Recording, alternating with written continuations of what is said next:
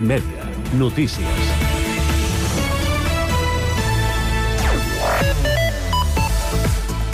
Bona tarda. L'Ajuntament ha adquirit un edifici plurifamiliar del barri de Sant Francesc amb l'objectiu d'incorporar-lo al parc d'habitatge protegit. Es tracta d'un immoble amb quatre habitatges i dos locals comercials que actualment tenen llogaters i que el consistori ha comprat per 630.000 euros amb la fórmula del tanteig i retracte. És la primera vegada que l'Ajuntament utilitza aquest sistema per adquirir un habitatge plurifamiliar. Ara, la intenció és estudiar cada cas dels llogaters actuals segons vagin vencent els contractes i mantenir aquells que necessitin un lloguer assequible. Els Mossos d'Esquadra han desallotjat un immoble ocupat del carrer del Tossal de Valldoreix.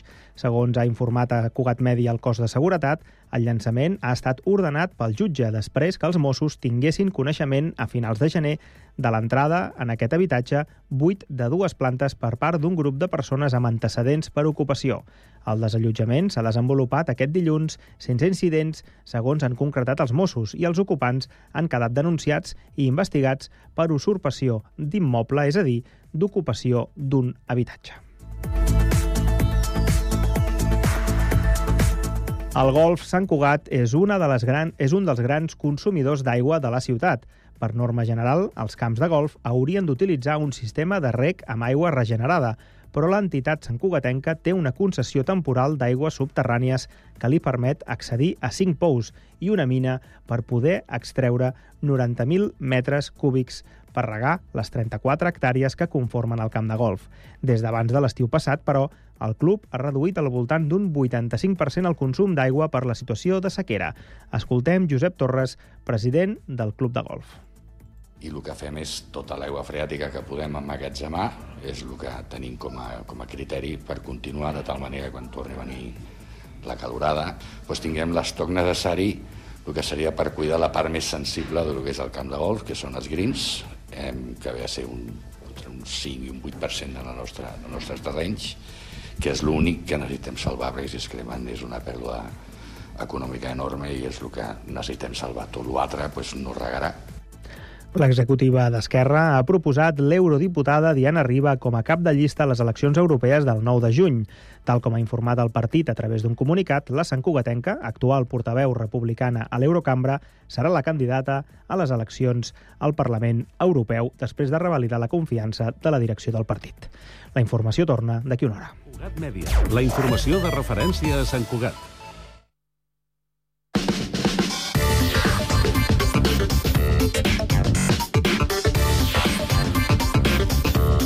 5 de la tarda, 3 minuts, inici de la segona i última hora d'aquest Connectats de dimarts. Informació de servei, comencem pel trànsit. Eduard Sánchez, bona tarda.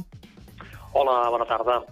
Doncs, de moment, eh, per aquestes uh, manifestacions, per aquestes mobilitzacions uh, d'avui, es manté aproximadament una quarantena de trams afectats, ja sigui per vies tallades o per marxes lentes diferents afectacions de trànsit, entre les quals, més no, destaquem algunes de les principals vies tallades per demarcacions. En el cas de Girona, a l'Arcep, que es manté tallada a Sant Julià de Ramis, i també a la Nacional 2 a l'altura de Salrà. A la demarcació de Tarragona es manté el tall a l'Aldea, a l'autopista AP7, a l'AP2 a Banyeres del Penedès, Santillera també a Montblanc, o també la C14 al Cuber i també a Montblanc. En el cas de la Nacional 420 es manté també el tall de trànsit a Mora la Nova. A la demarcació de Barcelona, destacar, recordar els talls a la C17 a Vic, a les Masies de Voltregà i també a Mollet, en aquest cas en sentit nord, a la C25, a Manresa, a Sallent i a Gurb, i també la C16, a Sant Fruitós de Bages i a Sallent en sentit sud. I per últim, a la demarcació de Lleida, els talls de trànsit que es mantenen a l'A2 entre Golmés i Sidamont i el mateix tram també a la Nacional 2. En el web del Servei Català de Trànsit Incidències podeu consultar el llistat sencer de totes les afectacions en aquests moments. És tot, bona tarda. Gràcies i bona tarda. Anem ara fins al Transmet per saber com està funcionant el transport públic. Àlex Cubells. Doncs a hores d'ara informem que derivat d'una incidència entre plaça Catalunya i Fabra i Puig, els trens de les línies de rodalies R1, R3, R4, R12 i RG1 circulen amb demores que poden superar els 30 minuts. També destaquem que des de diumenge dia 4 ja està restablert el servei ferroviari a la línia R3 de Rodalies entre Parets del Vallès i el Figaró. Després, recordem, d'uns mesos tallats per obres. Tot i haver-se recuperat els horaris habituals, sí que puntualment poden haver-hi demores i reajustos del servei. També destaquem una afectació de menor impacte, i és que el telefèric de Montjuïc tanca fins al diumenge 25 de febrer per tasques de manteniment, i per tant, l'alternativa d'accés en transport públic a Montjuïc que s'ofereix és la línia 150 de bus, també de TMB. Pel que fa a la resta de la xarxa, parlem de normalitat, així que, de moment, això és tot des del Transmet.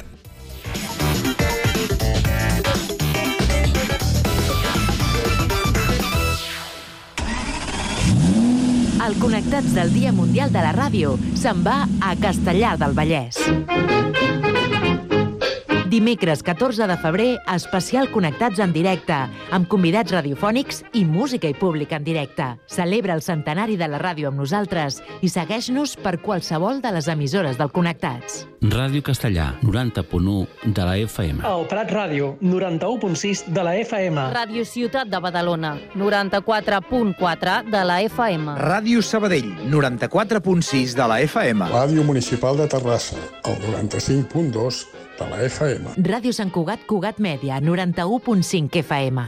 4 i 3 minuts. Comença el Connectats del Dia Mundial de la Ràdio.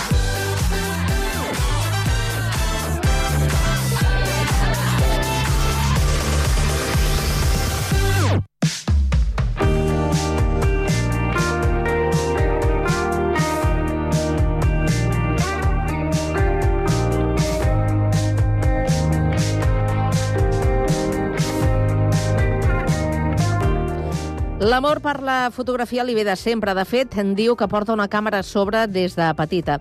Va començar l'empresa dels seus pares, però fa uns anys que s'ha establert pel seu compte. Avui passa pel Connectats la fotògrafa terrassenca Jennifer Iranzo. Molt bona tarda, Jennifer. Bona tarda. També saludem al company Sergi Estapé. Sergi, bona tarda. Hola, bona tarda. Jennifer, eh, com dèiem, eh, podem dir pràcticament que tu vas créixer amb una càmera a la mà, no? Exacte. Sí. Meus pares són fotògrafs Mm -hmm. i porto tota la vida.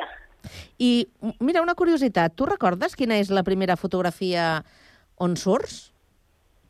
Ui. Uh, sí, a, a la Mola. A la Mola? A la Mola. De petita, m'imagino. De petita, sí, sí, de petita a la Mola. Sí? Sí. Vas que me la va fer el meu pare. Te la va fer el teu pare? Sí. Eh, No sé si et va impactar d'alguna manera veure't en aquella imatge o què, què, què et va provocar? Bueno, mm, de fet, són bons records, però realment el que a mi m'apassiona, perquè m'apassiona molt també la pintura, i al final pues, és una manera d'expressar-me i de pintar d'una altra manera. En comptes de pinzells, pues, utilitzem la llum, perquè al final la llum és com pin per pintar. Sense llum no podem fer cap fotografia. Mm -hmm. Com hem dit que pràcticament, pràcticament vas créixer amb una càmera a la mà, recordes quina és la primera càmera que vas tenir? Ah, bueno, vaig tenir moltes, perquè sempre agafava del meu pare les càmeres. Ja. Però sí una, una Nikon, una Nikon que pesava moltíssim i jo feia el blanc i negre, als casaments. Uh. -huh. I jo tenia que tirar 37 fotos perquè eren rodets amb un casament i després pues, revelar-la, que era el màgic, no? que no sabies el que havia sortit i anar al, qua al quart oscur i pues, treure allà les imatges i veure el que havies fet. Això era, era màgia. Uh -huh. L'empresa de la família, allà on treballaven els pares, era Gent Viva, no? És on, Gent vas, Viva. on vas començar tu, Exacte. l'estudi dels pares. Explica'ns quin tipus de fotografia es feia a Gent Viva. Bueno, fotografia social. Sigui, al final és fotografia de família des de, des de que hi ha una persona que està embarassada, bueno, es casen també, els casaments, fins a la comunió, després feien els 18 anys, o sigui, al final està en arxiu familiar. Mm. Jenny, què tal? Com estàs? Hola, Sergi. Escolta'm una cosa, allà pots dir que ho vas aprendre tot o, o quedava molt camí per aprendre encara? Home, vaig aprendre molt les bases i a mi em va ajudar moltíssim a aprendre de manera analògica, més que, més que poder amb el digital només, perquè tens els vicis de fer les coses bé des del principi. No com ara, que hi ha moltes vegades que dius, bueno, hi ha gent que diu, bueno, ho arreglem després, a postproducció. I, I això és la veritat que m'ha beneficiat moltíssim. Però al final mai deixo d'aprendre, o sigui, constantment estic aprenent, constantment em formo, perquè si no et formes et quedes enrere, també. Mhm. T'ho anava a preguntar, no? La formació ha sigut també un dels teus camins, no? Sí, clar, al final a mi m'ha donat molt la formació, perquè quan dones formació t'exigeixes moltíssim més i el que fa és que creixis, si creixes més donant formació. Bueno, almenys el que m'ha passat a mi, no? Per voler ser, pues, donar millor les classes, per fer coses diferents, surts de la teva àrea de confort i llavors pues, creixes com a professional. Uh -huh. I com dèiem al principi, fa un, sembla, si no sé si més o menys uns 8 anys, dius, va, vaig pel meu compte. Com, no sé si et va costar molt prendre la decisió, com, com vas arribar a aquest punt, com va ser això? Bueno, al final eh, els camins es divideixen, no? Eh, vols fer altres coses, vols volar sol, i això va ser el que va passar, que vaig voler volar sola, no? I provar, provar coses que realment doncs, m'apassionaven més i que sortien de, del puesto espera, eh, que un moment que acaba de venir el meu nen i està fent molt soroll. Això és la, la vida en directe, eh? Més que la, sí. la ràdio... Perdoni. És, Sí, sí. és la, vida, la vida en directe. No passa res, eh? Absolutament. T'hem agafat en el teu temps de familiar, podríem dir, no? Bueno, no, és que ha vingut ell a l'estudi, perquè sí que a l'estudi... Ah, estaves treballant, doncs. Sí, sí, que estic treballant a l'estudi, perquè aquest, just aquest cap de setmana tenim, tenim aquí formació, que ve gent de tot Espanya, i estem preparant tot per donar la formació. Ah, molt bé. Sí, sí, i ara no sé ni el que us estava dient, eh? Perquè ens som collons. No, parlàvem d'això, no?, que prens la decisió Ah, i... Bé. Bueno, al final Mhm. tens la I- decisió perquè al, al final pues, sempre estàs com protegit pels pares, però tampoc dones un pas més enllà, no? De dir, bueno, volo i, i si m'estampo, m'estampo sola, o si no tens algú que t'està agafant. I, bueno, tenia ganes de, de fer aquest salt i de provar coses noves. També m'ajuda el meu I marit. Uh -huh. També és important, perquè també Exacte. si sou del mateix sector, doncs, escolta, mi- millor, no? Ah, creeu el que és la Libèl·lula Studio, no? I, i la Libèl·lula Wedding, no? A l'Estudio us dediqueu, explica una mica què es dedica, i després Libèl·lula, el Libèl·lula Wedding, que ja m'imagino que és de casaments, no? Sí, sí, o sigui, al final a nivell d'estudi és de social, de més de família, nens, i llavors està la, a nivell de weddings, que realment pues, és de casaments. Al final has de segmentar molt, perquè els clients, pues, al final, mm, una persona que es casa vol veure casaments, i una persona que vol fer una foto de, del seu fill també vol veure fotos del fill. Llavors és com... Per això al final vam decidir de segmentar el que era l'empresa.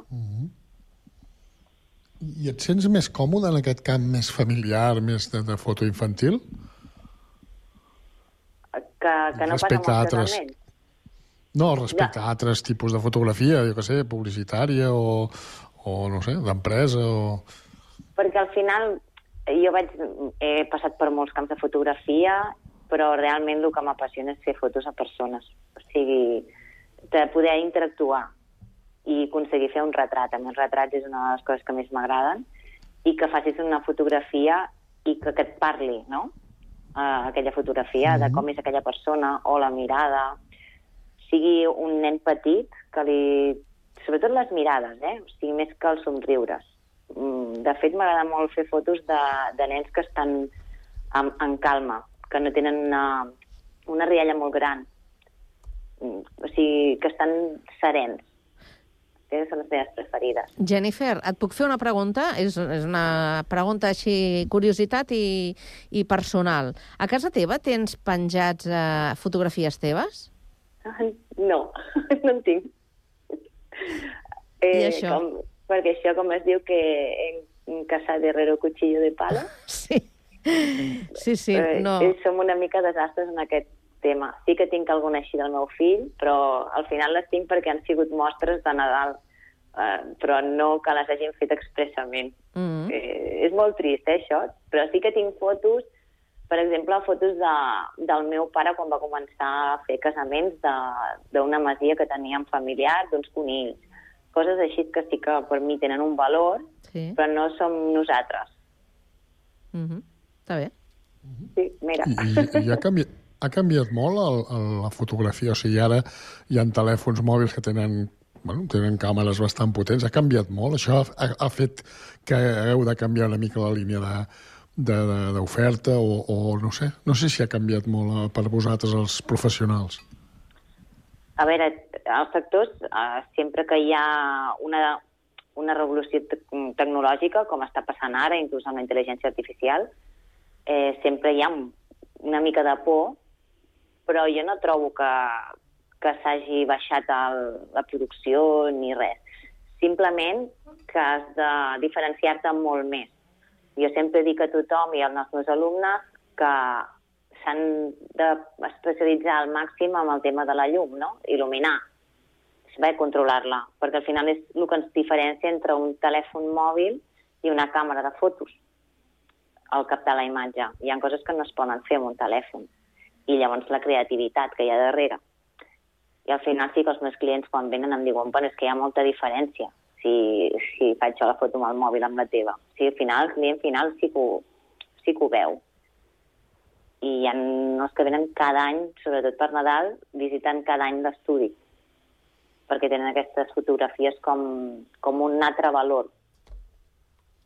No sé si m'explico. Mm. Sí, sí. Escolta'm una cosa, t'hem de felicitar perquè fa, no fa gaire t'han atorgat el Premi a la millor fotògrafa infantil d'Espanya en el marc del festival Sugar Kids. No sé què, què has representat per tu. Com va anar això? Com, Uf. què has representat? Bueno, he representat moltíssim, no? no? Jo vaig presentar les obres i de més, però tampoc m'es- m'esperava el premi perquè la veritat és que hi ha molts professionals molt bons al sector.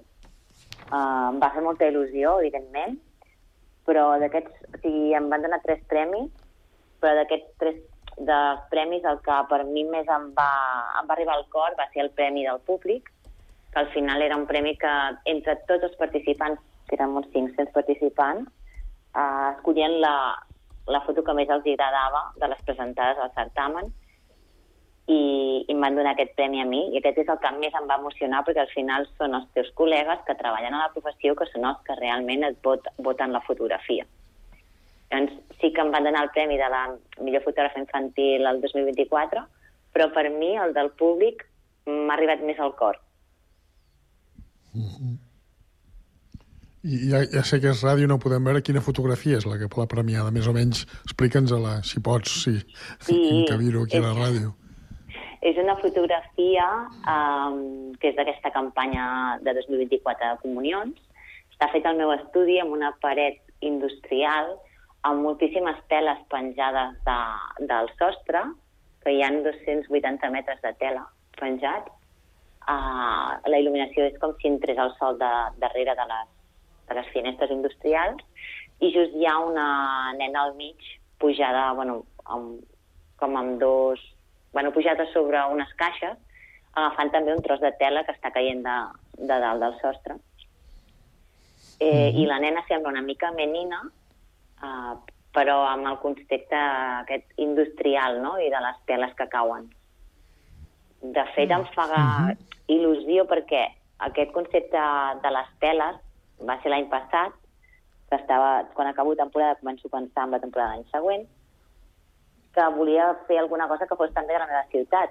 I em va- vaig començar a inspirar amb el tema del textil a Terrassa. O sigui, I va ser a partir d'aquí que va sortir el decorat d'aquest any. Eh, que és una mica enrebaçat, però, Mm. mm. però va sortir d'aquí. No sé si... Si no, us puc passar la foto, eh?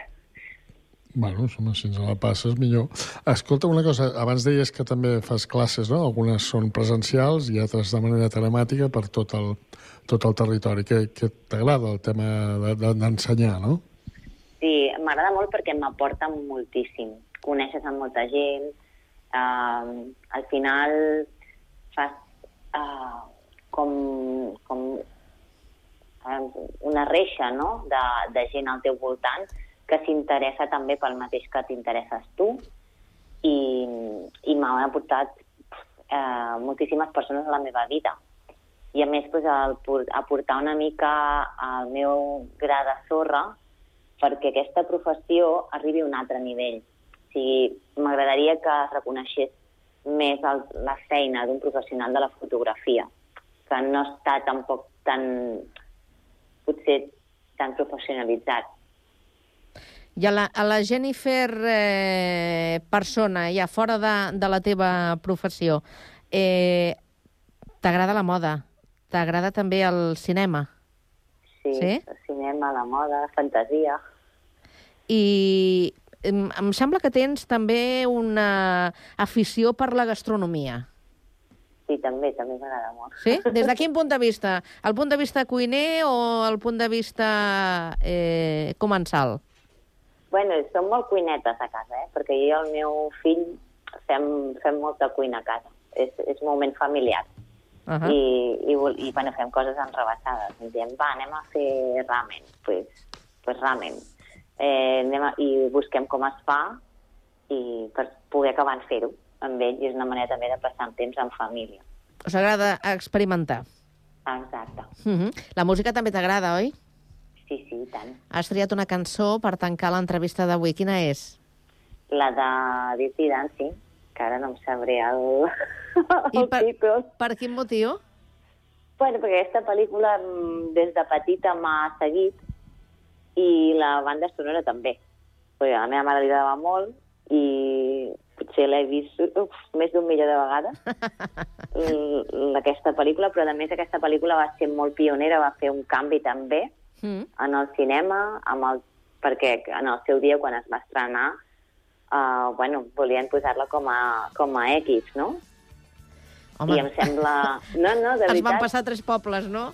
Sí, sí, clar, en la seva època pues, hi havia moltes coses, el tema de l'abort, tot- totes aquestes coses, llavors em sembla molt fascinant. Doncs escolta, compartirem aquest eh, tema musical amb la resta de l'audiència. Jennifer, gràcies per passar pel Connectats una estoneta. Que vagi molt bé. Molt bé, moltes gràcies. Una abraçada. Gràcies, Sergi. Bona tarda. Adéu, fins demà. Adéu, Bona adéu. tarda.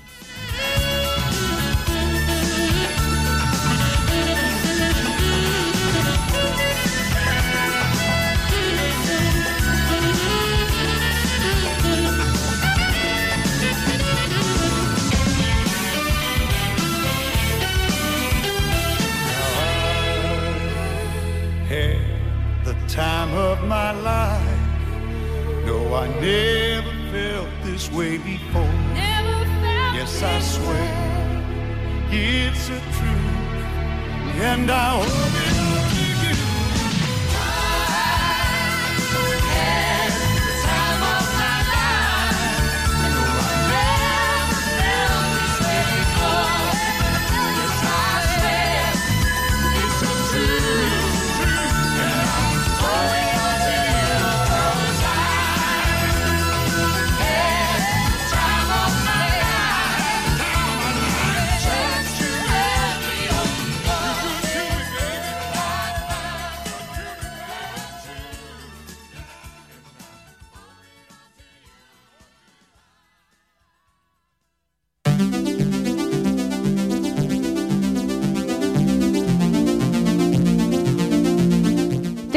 per parlar del desafiament que tenim per endavant en la salut mental, de la necessitat d'ampliar recursos, de com prevenir problemes i plantar-hi cara i de la necessitat de visibilitzar. Ho farem amb la presidenta de Suport Castellà, Cristina Torres, i amb el company de Ràdio Castellà, Guillem Plans. Bona tarda, Guillem. Bona tarda, Carme. Doncs sí, avui parlem de salut mental amb la presidenta de Suport Castellà, la Cristina Torres. La tenim amb nosaltres. Cristina, molt bona tarda. Bona tarda, Guillem. Bona tarda a tothom. Comencem analitzant una mica com està el panorama general. Com descriuries l'estat actual de la salut mental a la nostra societat? Uh, la veritat és que uh, la salut mental sempre va endarrerida. Uh, sempre ha anat endarrerida i anem endarrerits encara. Uh, últimament sí que s'hi ha posat una miqueta més de, de claror perquè mm, les problemàtiques demostrades que hem tingut amb la pandèmia, doncs eh, sembla que eh, els governs han, han posat més el focus en, en, aquest, en aquest tema de salut mental. Eh, el que passa és que, és clar, això mm, eh, va una mica a, a nivell molt alt, no? Eh, per, perquè baixi eh, a les persones costa una mica d'arribar, la veritat. Eh? Ens trobem ara que eh, des dels centres de salut mental mm, no hi han suficients psiquiatres mm, per atendre eh, les persones afectades. I, bueno, mm, clar, això no és una cosa que d'avui per demà es solucioni. Per tant, fins que no aconseguim eh, coses d'aquesta mena que, que arribin a les persones afectades, doncs, doncs eh, costarà. La veritat és que eh, anem endarrerits, com sempre. Ens has parlat de la falta de professionals i també de la falta de visibilitat que encara té el, la salut mental en la societat. Quins són els altres principals desafiaments que veu en l'àmbit de la salut mental avui dia? A veure, eh, la idea seria també que en els, a la gent jove se'ls se visualitzés més tota aquella problemàtica que, que emergeix en els centres escolars eh, cal que sigui tractada eh, ràpidament i que s'hi posi doncs, tots els recursos necessaris. Eh? Eh, jo focalitzaria molt eh, la gent jove, els, els nens, a partir dels nens, que són els que mm, costa i, i moltes vegades no, no ens adonem que estan passant per una problemàtica. Eh? Eh, cal estar molt, molt al cas d'aquests temes. Eh, hi, ha, hi ha una cosa que, que hauria de dir. Eh, L'Oficina Tècnica Laboral de Sabadell dona, dona oportunitats a les persones amb problemes de salut mental i sobretot als joves, ara que parlàvem d'això. I eh, ens hem enterat que el, eh, a veure, eh, hi, ha un, hi ha un programa que és eh, un prelaboral eh, per, per aquestes persones, no? perquè vagin entrant en temes de treball i acostumar una miqueta totes les normatives eh, que, que són necessàries per, per al treball i um, és un programa que els introdueix en el món laboral. Doncs ens hem enterat que aquest any no, no es fa. Eh? Aquest programa, per al que sigui, doncs no, no es farà. Eh? Nosaltres havíem enviat des de Suport Castellà persones doncs, per, per començar doncs, a, a, a treballar, per, per fer les pràctiques necessàries. Eh? Eh, I bueno, ens hem doncs, que, que, que no funcionarà. Clar, tot això no ens ajuda gens, no ens ajuda gens perquè justament el tema laboral és d'aquells doncs, que també hauríem de posar-hi molt d'interès perquè les persones hem d'aportar a la societat i, i aportem a la societat treballant i no poden quedar les, les persones amb una experiència de salut mental fora de, del treball. Eh? Uh, disculpa, però és que uh, tenia, tenia aquest, aquesta idea uh, que, que penso que és molt, molt important no, no abandonar-la, no deixar-la. No, no, i tant, i tant, si cal dir-ho, es diu. És un recurs, no?, que farà falta. Uh -huh. Sí, sí, i tant, i tant que ens farà falta. Parlaves de joves. Com podem millorar l'accés als serveis de salut mental per a aquest grup demogràfic? Uh, a veure, d'entrada la detecció. Nosaltres des de, a veure, des del Club Social, el, les, les persones eh, que, que nosaltres en diem DEP, que és amb experiència pròpia, un, un equip que tenim de, de persones amb, amb experiència en salut mental i totalment experiència pròpia, aquest és el, el programa, que, el nom que se'ls dona en el programa, eh, fan eh, unes, unes xerrades, fan unes mm, visites a, als centres escolars, eh, sobretot a nivell de, dels instituts, però també en, en els centres de primària. Eh? Llavors, eh, és, és una manera també de parlar amb, amb els nois i noies perquè mm, ells mateixos s'adonguin de, de que potser estan passant per un moment eh, raret, un moment diferent, no? que eh, els, està, els està portant eh, un, unes, unes angoixes, unes problemàtiques emocionals, no? Llavors, eh, aquesta detecció és, és molt important. O veure també doncs, que hi ha un company que eh, també pateix eh, per el que sigui, eh? però relacionat amb temes de, de salut mental. Eh? Mm. Llavors, aquesta detecció és, és molt important.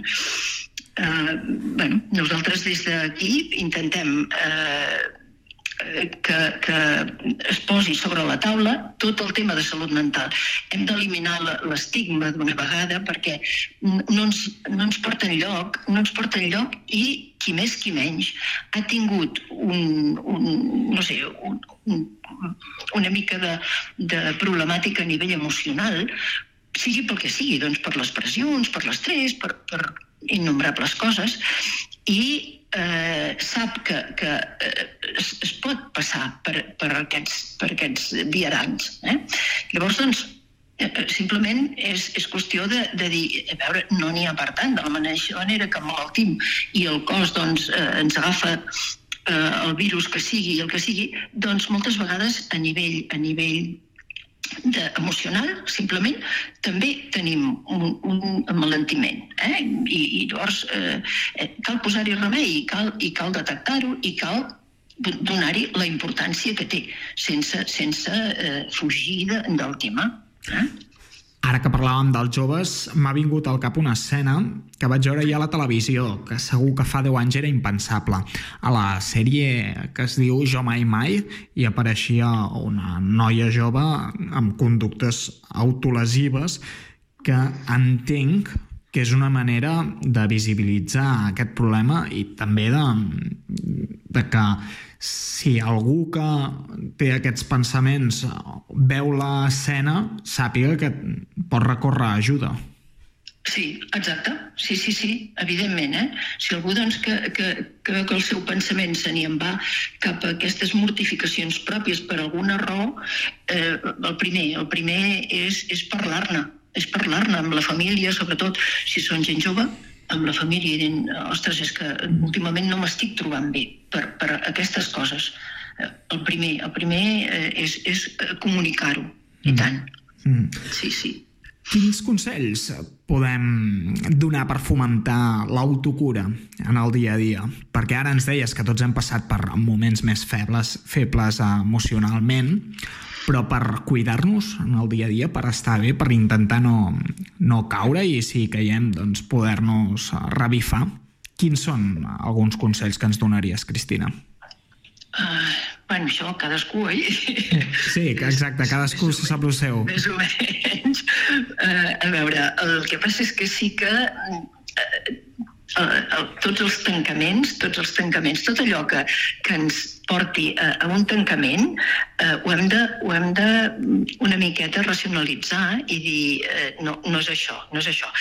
L'important és tenir una bona xarxa d'amistat, eh, relacionar-nos molt bé amb, amb, les amb la família, amb el que tenim al costat, eh, això és primordial. Eh? És, és primordial. I, per descomptat, cuidar aquesta xarxa d'amistats, eh? perquè ells són els que et donen aquest, aquest suport en un moment donat. Uh, per descomptat que ara tenim tantes possibilitats de, de fer esport, no? que això és, és molt bo també, és molt bo sortir a la natura. Aquí a Castellà, que tenim a dos passos uh, els pins i les alzines, eh, mm, tot això és, és important també de, de una mica fer-ho, vull dir, trobar-nos a fora. Eh? I ara que ve el bon temps, bueno, és qüestió de sortir de nosaltres mateixos, eh? tot, tot allò que fa doncs, que, que et vas com, com tancant una miqueta, eh, s'ha de posar una alerta aquí, una alerta tant per la persona que, que ho, ho pot intuir, com per les persones que té al costat, que veuen doncs, que eh, aquest tancament no, no és el que hauria de ser. Eh? Eh, Per mi és, és això, eh? El, aquest, eh, no sé, una mica eh, compartir. Compartir tot el que puguem i tant com puguem. Uh, aquests consells valen pel moment en què potser no estàs bé i també com a prevenció, oi? I tant, i tant, per descomptat. Sí, sí, sí. sí, sí. Tot allò que puguem compartir eh, és que el món és, és preciós, no? i les persones som genials i no sé, és la, la millor cosa, no? Trobar-nos amb, amb els amics, eh, tot això és, és de veritat molt, molt important. Avantatges i desavantatges en recursos digitals, tecnologia en aquest àmbit, perquè si parlem de salut mental ha de sortir aquest tema. Uh, sí, sí, per descomptat, i tant. Uh, avantatges és buscar informacions veraces, no? La- L'avantatge és aquesta. Tenim molts mitjans per arribar a, a informacions que, que siguin vàlides, eh? no, no altres coses que ja veiem que no tenen massa, massa sentit. Eh?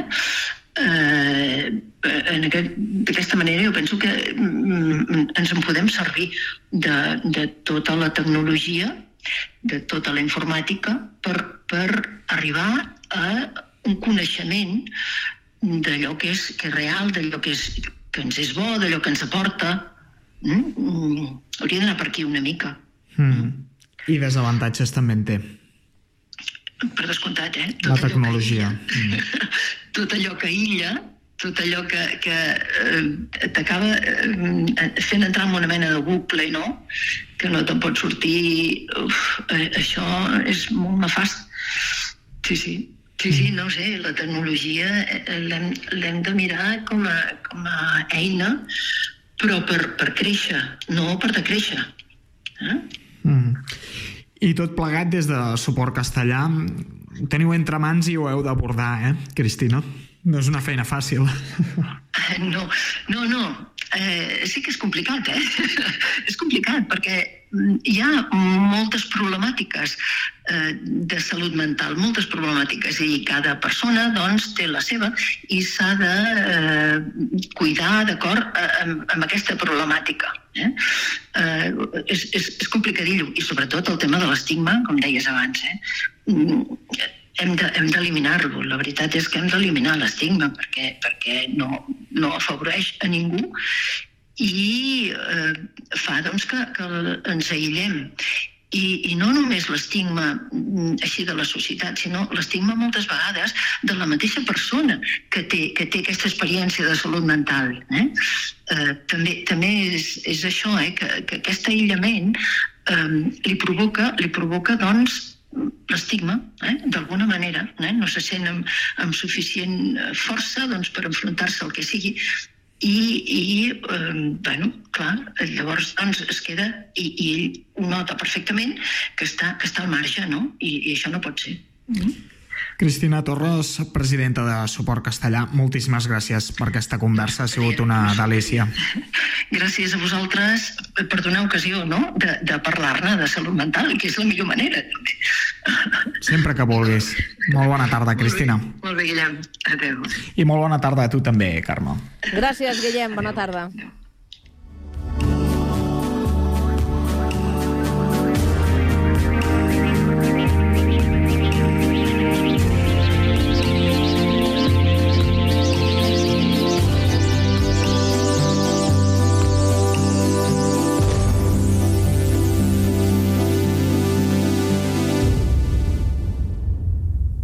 Bona tarda, connectats. Soc el Pablo, el tècnic de so de Cugat Media. Volia recomanar una pel·lícula titulada Goodfellas, dirigida l'any 1990 per Martin Scorsese i protagonitzada per Ray Liotta, Robert De Niro i Joe Pesci. Espero que la gaudiu tant com l'he gaudit jo.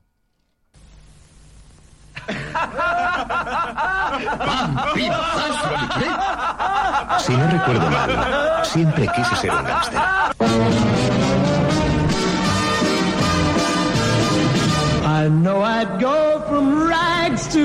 Para mí, ser gángster era mucho mejor que ser presidente de los Estados Unidos. Nunca traiciones a un amigo. Y sobre todo, ten la boca cerrada. Ser gángster significaba ser alguien en un barrio lleno de don nadies. Nuestro chico ha dejado de ser virgen. Hola, mamá, ¿qué te parezco? Me pareces un gángster. Cuando me hice mayor, trabajé en el aeropuerto por el que pasaban al año mercancías valoradas en millones de dólares. Puedo asegurarles que intentábamos llevarnos hasta la última migaja. Sabes quiénes somos y nosotros sabemos quién eres. ¿Entendido? Sí. ¿Pero qué clase de gente es esa? Life is but a A la construcción. Si queríamos algo, lo cogíamos sin pensarlo un instante. Para nosotros era mejor que el Banco Nacional. Bien. ¿Cómo que bien? Es estupendo. Te crees muy hombre por dejarme plantada. A mí no me planta nadie, estúpido. ¿Quién te crees que eres, señor importante? ¿Acaso el cálmate. presidente? Vivía una fantasía. ¡Lo que Además, no es judío. Para la mayoría de nosotros, matar llegó a ser una cosa aceptable. Acabar con ellos era el único modo de mantenerlos a raya. No podemos dejarle en la calle. Conozco un buen escondite, nunca le encontrarán. Al que se pasaba le liquidaban. Todos conocían las reglas. Mira, Henry, aquí hay un brazo. Sois muy graciosos. Y aquí una pata. El Connectats del Dia Mundial de la Ràdio se'n va a Castellar del Vallès. Dimecres 14 de febrer, especial Connectats en directe, amb convidats radiofònics i música i públic en directe. Celebra el centenari de la ràdio amb nosaltres i segueix-nos per qualsevol de les emissores del Connectats. Ràdio Castellà, 90.1 de la FM. El Prat Ràdio, 91.6 de la FM. Ràdio Ciutat de Badalona, 94.4 de la FM. Ràdio Sabadell, 94.6 de la FM. Ràdio Municipal de Terrassa, el 95.2 de la FM. Ràdio Sant Cugat Cugat Mèdia, 91.5 FM. 4 i 3 minuts. Comença el Connectats del Dia Mundial de la Ràdio.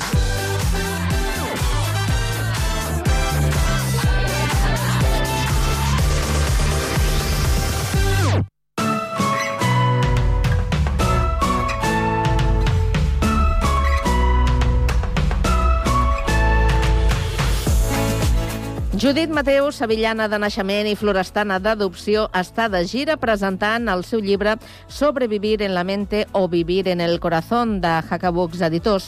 Judit Mateu és terapeuta, psicocorporal i energètica. Avui ens el presenta el Connectats. Judit, bona tarda. Bona tarda, Carme. La setmana passada a Sevilla, també l'has presentat a Barcelona, a Sabadell, no sé si en algun lloc més, que A m'imagino... Reus. Ah, sí? A Reus? A Sant Cugat. A Sant Cu... Escolta, eh, bueno, encara podria recórrer bastant, bastant més, que no sé si tens més, més programats. Bueno, tinc programats Madrid, m'agradaria, València. Sí? Sí, estic pendent de que em donguin data. El que ja has fet, aquestes presentacions que, que ja has fet, com, com està sent la rebuda? pues la veritat és que una experiència nova per mi, perquè jo, clar, no havia escrit mai un llibre i no havia presentat mai un llibre. Exacte, és el primer, i la veritat és que és una experiència superbonica, no? Perquè, bueno, pues pots compartir les reflexions que, que, que fas en el llibre i cada presentació és diferent en funció del públic que ve, en funció de la persona que em presenta, bueno, totes són diferents.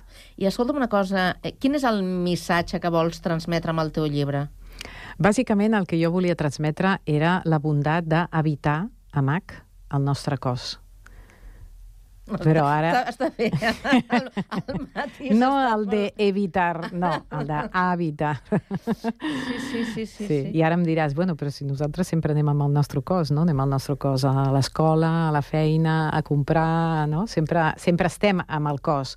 Però Sí. que portem el cos no vol dir que El evitem que, que estiguem en el cos. Perquè nosaltres podem estar aquí avui, però que la ment estigui en un altre lloc. Llavors, quan la ment està a un altre lloc, és que no, no tenim la ment en el cos. I si no tenim la ment o la consciència en el cos, és que no evitem el cos. És a dir, que la ment va al seu aire, al seu ritme, i el cos va com pot. No? Exacte. I, i, i el anem descuidant bastant, diria. Exacte. Bueno, I això amb neurociència ja se sap. S'ha descobert que el 47% del temps que estem desperts, la nostra ment està divagant. I que la ment divagui no és dolent, perquè també té la seva funció que la ment divagui, però no tant com la fem divagar. Que ens despistem molt. Exacte. I què és el que a tu t'ha portat a escriure aquest llibre? Bueno, ja feia temps que tenia la idea de que algun dia escriuria el llibre, però no va ser fins a aquest canvi professional no? que vaig fer és fa dos bèstia, anys. És molt bèstia, eh? Sí. Explica-ho tu, perquè jo, quan, quan no he sabut, eh, dic que això és un canvi de vida radical. És dir, és que pareu al món que, que, que em vull baixar, però literal. Sí, sí jo pues, he treballat 27 anys en el món corporatiu, concretament en el món de la banca, I els últims 15 es pot dir que ho vaig estar compaginant amb el món de les teràpies. I va ser quan ja vaig fer la decisió, perquè les circumstàncies es van donar i, i vaig tenir l'oportunitat de fer-ho d'una manera ordenada, pues, vaig poder deixar la banca definitivament i dedicar-me pues, a, a, al món terapèutic. I ara el que faig és escriure. Escric, bueno, he escrit el llibre, escric articles i bueno, dono ponències, perquè també el que m'agrada és traspassar tota la informació del llibre en el món corporatiu, perquè és el que jo conec. I llavors també és una bona integració d'aquests dos mons, no? poder aplicar tot el que explico en un món en què no s'aplica massa. I també el punt de partida és una necessitat vital provocada per, eh, per aquest eh, canvi? És a dir, necessites fer un punt i a part? Mm, bueno, No? el meu camí va començar ja fa molts anys, quan em vaig separar, i la vida pues, em va obligar a fer com un reset, no? I, i a revisar, a revisar què havia passat i anar cap a dintre, cap a l'interior, que és el que explico en el meu llibre, no? que ojalà poguéssim anar cap a l'interior sense que ens hagin de passar coses. No? Clar. Normalment tenim un accident o tenim una, una malaltia, perdem la feina, ens separem, perdem alguna persona estimada, i llavors és quan, ups, diem, què ha passat aquí, no? Llavors és quan fem aquest viatge interior. El bo seria poder fer aquest viatge interior sense tenir un dalta baix o una crisi personal. Em sembla més difícil, això. Sí. Perquè sempre ens movem... Eh, eh, és Per que- obligació, ja quasi, no? Ja quan no hi ha- no hi ha quan més no remei. sortida, Ah, exacte, exacte. En aquest llibre eh, hi ha part de la teva experiència personal eh, reflectida? Ara ens explicaves una mica quin és el punt de, de partida, no?, aquesta Mm. experiència personal. Sí, no és un llibre autobiogràfic, però sí que poso pincelades del que ha estat el meu camí diguem-ne, d'aquest camí al cor, no?, que dic jo, i sí que poso, doncs, això em va anar bé, doncs, el descobrir això em va anar bé per això, bueno, poso uns quants exemples perquè s'entengui una mica més. Hi ha gent que m'ha demanat que hi haurien d'haver més exemples, Mira, però bueno, justament t'ho anava a preguntar així. perquè és veritat que en una de les presentacions eh, van dir, escolta, que, que podries posar algun exemple més mm, dels que ja tractes en el llibre. Mhm. Posa'ns alguns mm, exemples pràctics que la gent pugui allò entendre. Bueno, jo, mm, per exemple, una de les coses que explico en el llibre és que quan era molt joveneta eh, vaig fer un viatge a Tours, a França, per fer un intercanvi per aprendre el francès. Sí. Tenia 15 dies lliures i és allò que no podia descansar, havia d'anar a fer alguna cosa. I, I allí eh, vaig fer cap a una família que el pare era, practicava la medicina xinesa i a mi em feien mal els genolls.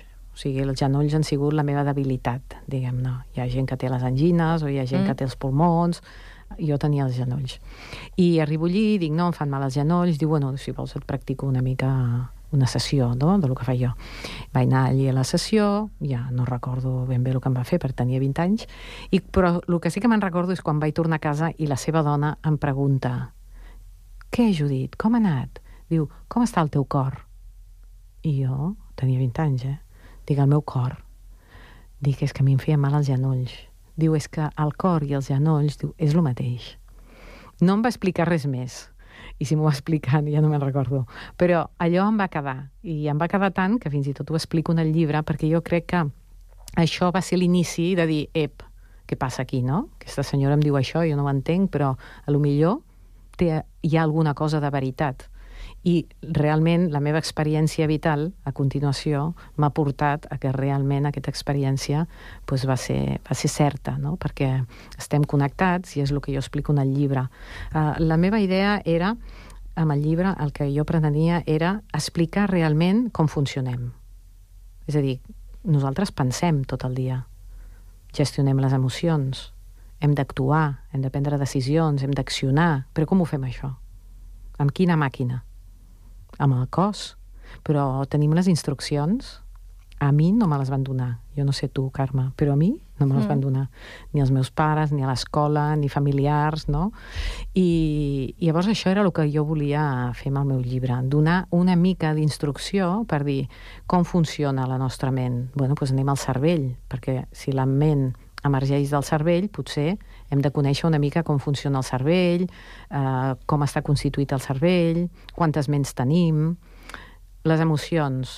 Normalment les emocions les sentim en el cor, en el cos, pues com funciona el nostre cor, quina funció té el nostre cor dintre de l'organisme, quina relació hi ha entre el cor i el cervell, què és més important, el cor o el cervell?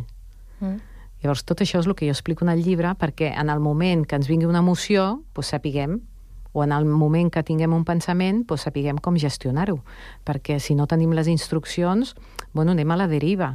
No? Si tu no saps conduir, bueno, millor sí, amb un automàtic pots conduir, però si no, no et saps les normes de conducció, doncs pot ser que et posin alguna multa, no? I això és el que ens passa a la vida, que de vegades rebem multes, però jo crec que és per desconeixement, perquè si realment coneguéssim com funcionem, podríem liderar millor la nostra vida, perquè gestionaríem d'avançat millor la nostra ment i les nostres emocions. Ostres, eh, o sigui que és un llibre que li pot venir bé a tothom. Jo diria que sí. Uh, el meu fill se l'acaba de llegir ara i té 18 anys. I? I arrel de llegir aquest llibre, i a més a més ja saps que la joventut d'avui en dia no llegeixen, perquè estan amb el mòbil i tenen altres... Poca paciència. Poca paciència. doncs ell tampoc llegia. I llavors s'ha llegit el meu llibre, el primer capítol li ha costat una mica perquè és el de la ment i potser és el més dens, però després diu que li ha agradat molt. Però no només això, sinó que ara ha començat a llegir altres llibres d'aquest estil i ja va pel segon. Llavors, bueno, almenys ha fet efecte. Mare meva. Llavors jo dic, seria un llibre per llegir doncs, a tercer, quart d'ESO, perquè estan molt, no?, els joves avui en dia estan molt, bueno, Mira, ara, molt justament eh, fa res, la, la secció anterior parlàvem de la salut mental bueno, dels joves. Clar, és que ho necessiten. Perquè la ment, la ment eh, ens dirigeix la vida. Perquè si el 47% del temps que estem desperts tenim una ment divagant, vol dir que qui mana és la ment, perquè la ment divaga. No ets tu que dius què vols que faci la ment, sinó que la ment fa el que ella vol. I clar, i si la ment fa el que ella vol, doncs pot dir ets un imbècil, mai aconseguiràs això, no trauràs mai la carrera, no ets suficient per fer això, no t'estimarà ningú... Clar, doncs si la ment, el 47% del dia, t'està dient aquestes coses sense que tu t'enteris, doncs imagina't com anem. Estem en una di dictadura? Mental. Sí. Sí, una presó mental. Ostres, que fort. Eh, ho deies abans, que imparteixes formacions i ponències a, a empreses, acompanyes des del cor en sessions individuals i també grupals a persones que volen introduir canvis com els que comentàvem abans, no? El teu cas Exacte. particular. Mm, clar, quines diries que són les principals dificultats que troben les persones que, que t'han vingut a veure? Jo crec que la principal dificultat és saber que estàs malament. O sigui, no, ens no hem- hi ha un reconeixement que... No, ens hem acostumat tant al malestar que ho trobem eh, fins i tot normal. Llavors, per mi, el més important és reconèixer que alguna va malament. A partir Mm. d'aquí, quan et dones compte, quan te n'adones de que alguna va malament, és quan ho pots transformar. Però per transformar hem de passar a l'acció. I això també és difícil, perquè necessitem molta voluntat. I el nostre cervell no està fet per canviar rutines. I això també ho explico en el llibre. Perquè si no ens frustrem molt. Volem fer una cosa i, vale, els tres primers dies anem a piscina, però el quart dia ja no hi anem. Perquè el cervell no està fet fisiològicament per canviar una rutina. El cervell el que vol és, l'objectiu del cervell és minimitzar l'energia. Llavors això és com un cotxe. Quan tu vols gastar poca benzina, passes per l'autopista que és una carretera molt gran i passen molts cotxes. I quan pas, passes per una carretera de voltes, doncs allí el cotxe gasta molta més benzina. Llavors, el, el cervell, per passar per l'autopista, ha de passar per aquella carretereta que ha fet milers de vegades, que vol dir no anar a piscina. Per anar a la piscina hem d'agafar aquella carretera de voltes que al cervell li costa més i, per lo tant, no t'ho posarà fàcil. Hem d'aplicar la voluntat, hem d'accionar amb voluntat. Però si no ho sabem, la voluntat no guanya. Però si sabem que el cervell guanya a la voluntat, llavors és com un repte, no?, de dir, no, pues jo... Ara t'ho posaré difícil. Ara t'ho posaré difícil. I al final fas l'autopista, i l'autopista, la carretera de l'autopista, és aquella que et porta a la piscina. Val. Hi ha un- una qüestió, abans de marxar, eh? ho dic perquè ja estem en el final pràcticament del programa. Casa Caruna, és allà on tu fas les teràpies, no? Exacte. Explica'm molt ràpidament, en 30 segons, exactament què és Casa Caruna. Casa Caruna és un espai d'amor i de recuperació personal, així com jo ho he definit. És on jo faig les meves sessions individuals, els meus tallers, les meves formacions. Algunes les compagino i simultàniament les faig online per les persones que no, no es poden desplaçar. També és una casa de recuperació, és a dir, un, una persona pot anar allí, recuperar-se uns dies, eh, un postoperatori, eh, persones que estan soles, que surten d'una operació i estan ben cuidats a l'hospital, però després no poden estar soles a, ca a casa seva, persones que volen escriure un llibre i volen estar pues, una setmana, 15 dies, amb tranquil·litat, no? al costat de la natura, i qualsevol persona que vulgui fer un retir, eh, quatre amigues que es vulguin regalar entre elles un retir, qualsevol cosa. Oh, quina proposta tan àmplia i tan bona. Sobrevivir en la mente o vivir en el corazón de la Judit Mateu Coig, que avui la hem convidat al Connectats perquè ens expliqui mm, part del que explica en el seu llibre, que si el voleu el podeu trobar a les llibreries. Sí, a la sí? web de Hackabooks també, Uh -huh. a Amazon, està en paper i en digital, i a qualsevol llibreria, si no està físicament, sí que es pot encarregar. Judit, un plaer. Gràcies, Carme. Que vagi molt bé, bona tarda. Moltes gràcies. I a vosaltres que ens heu acompanyat, eh, demà més serà en l'edició de dimecres del Connectats. Una abraçada. Adéu-siau.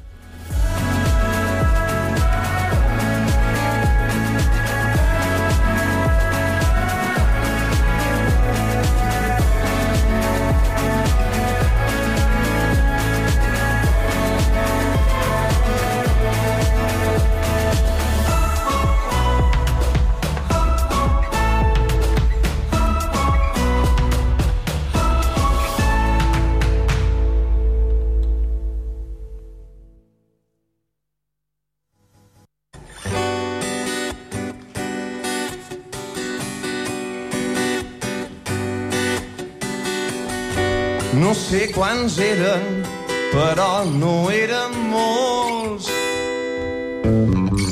Canta carrerons intentaven fugir del món.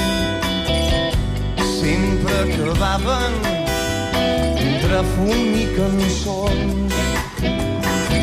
Sempre acabaven entre fum i cançons.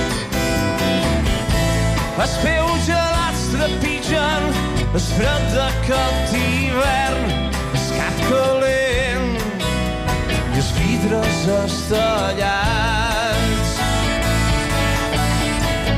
Caminen per un carreró estret, sa boira als. Deixa veure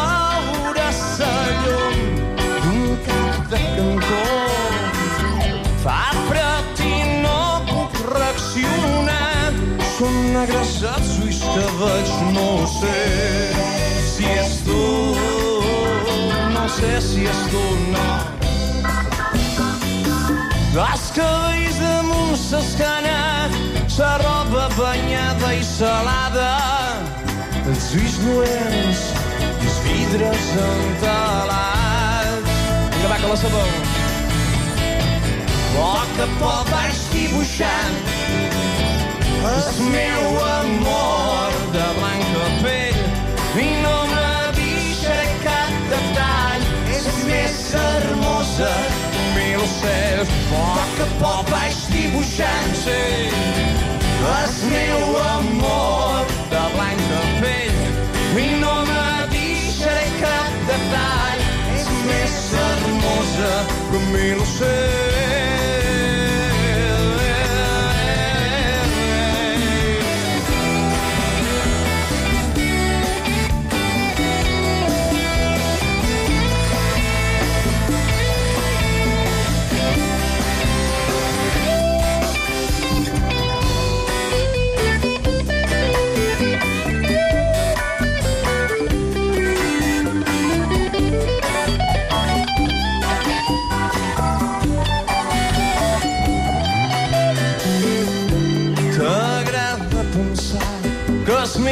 zalépanos beats. Sam skadda stíl í kom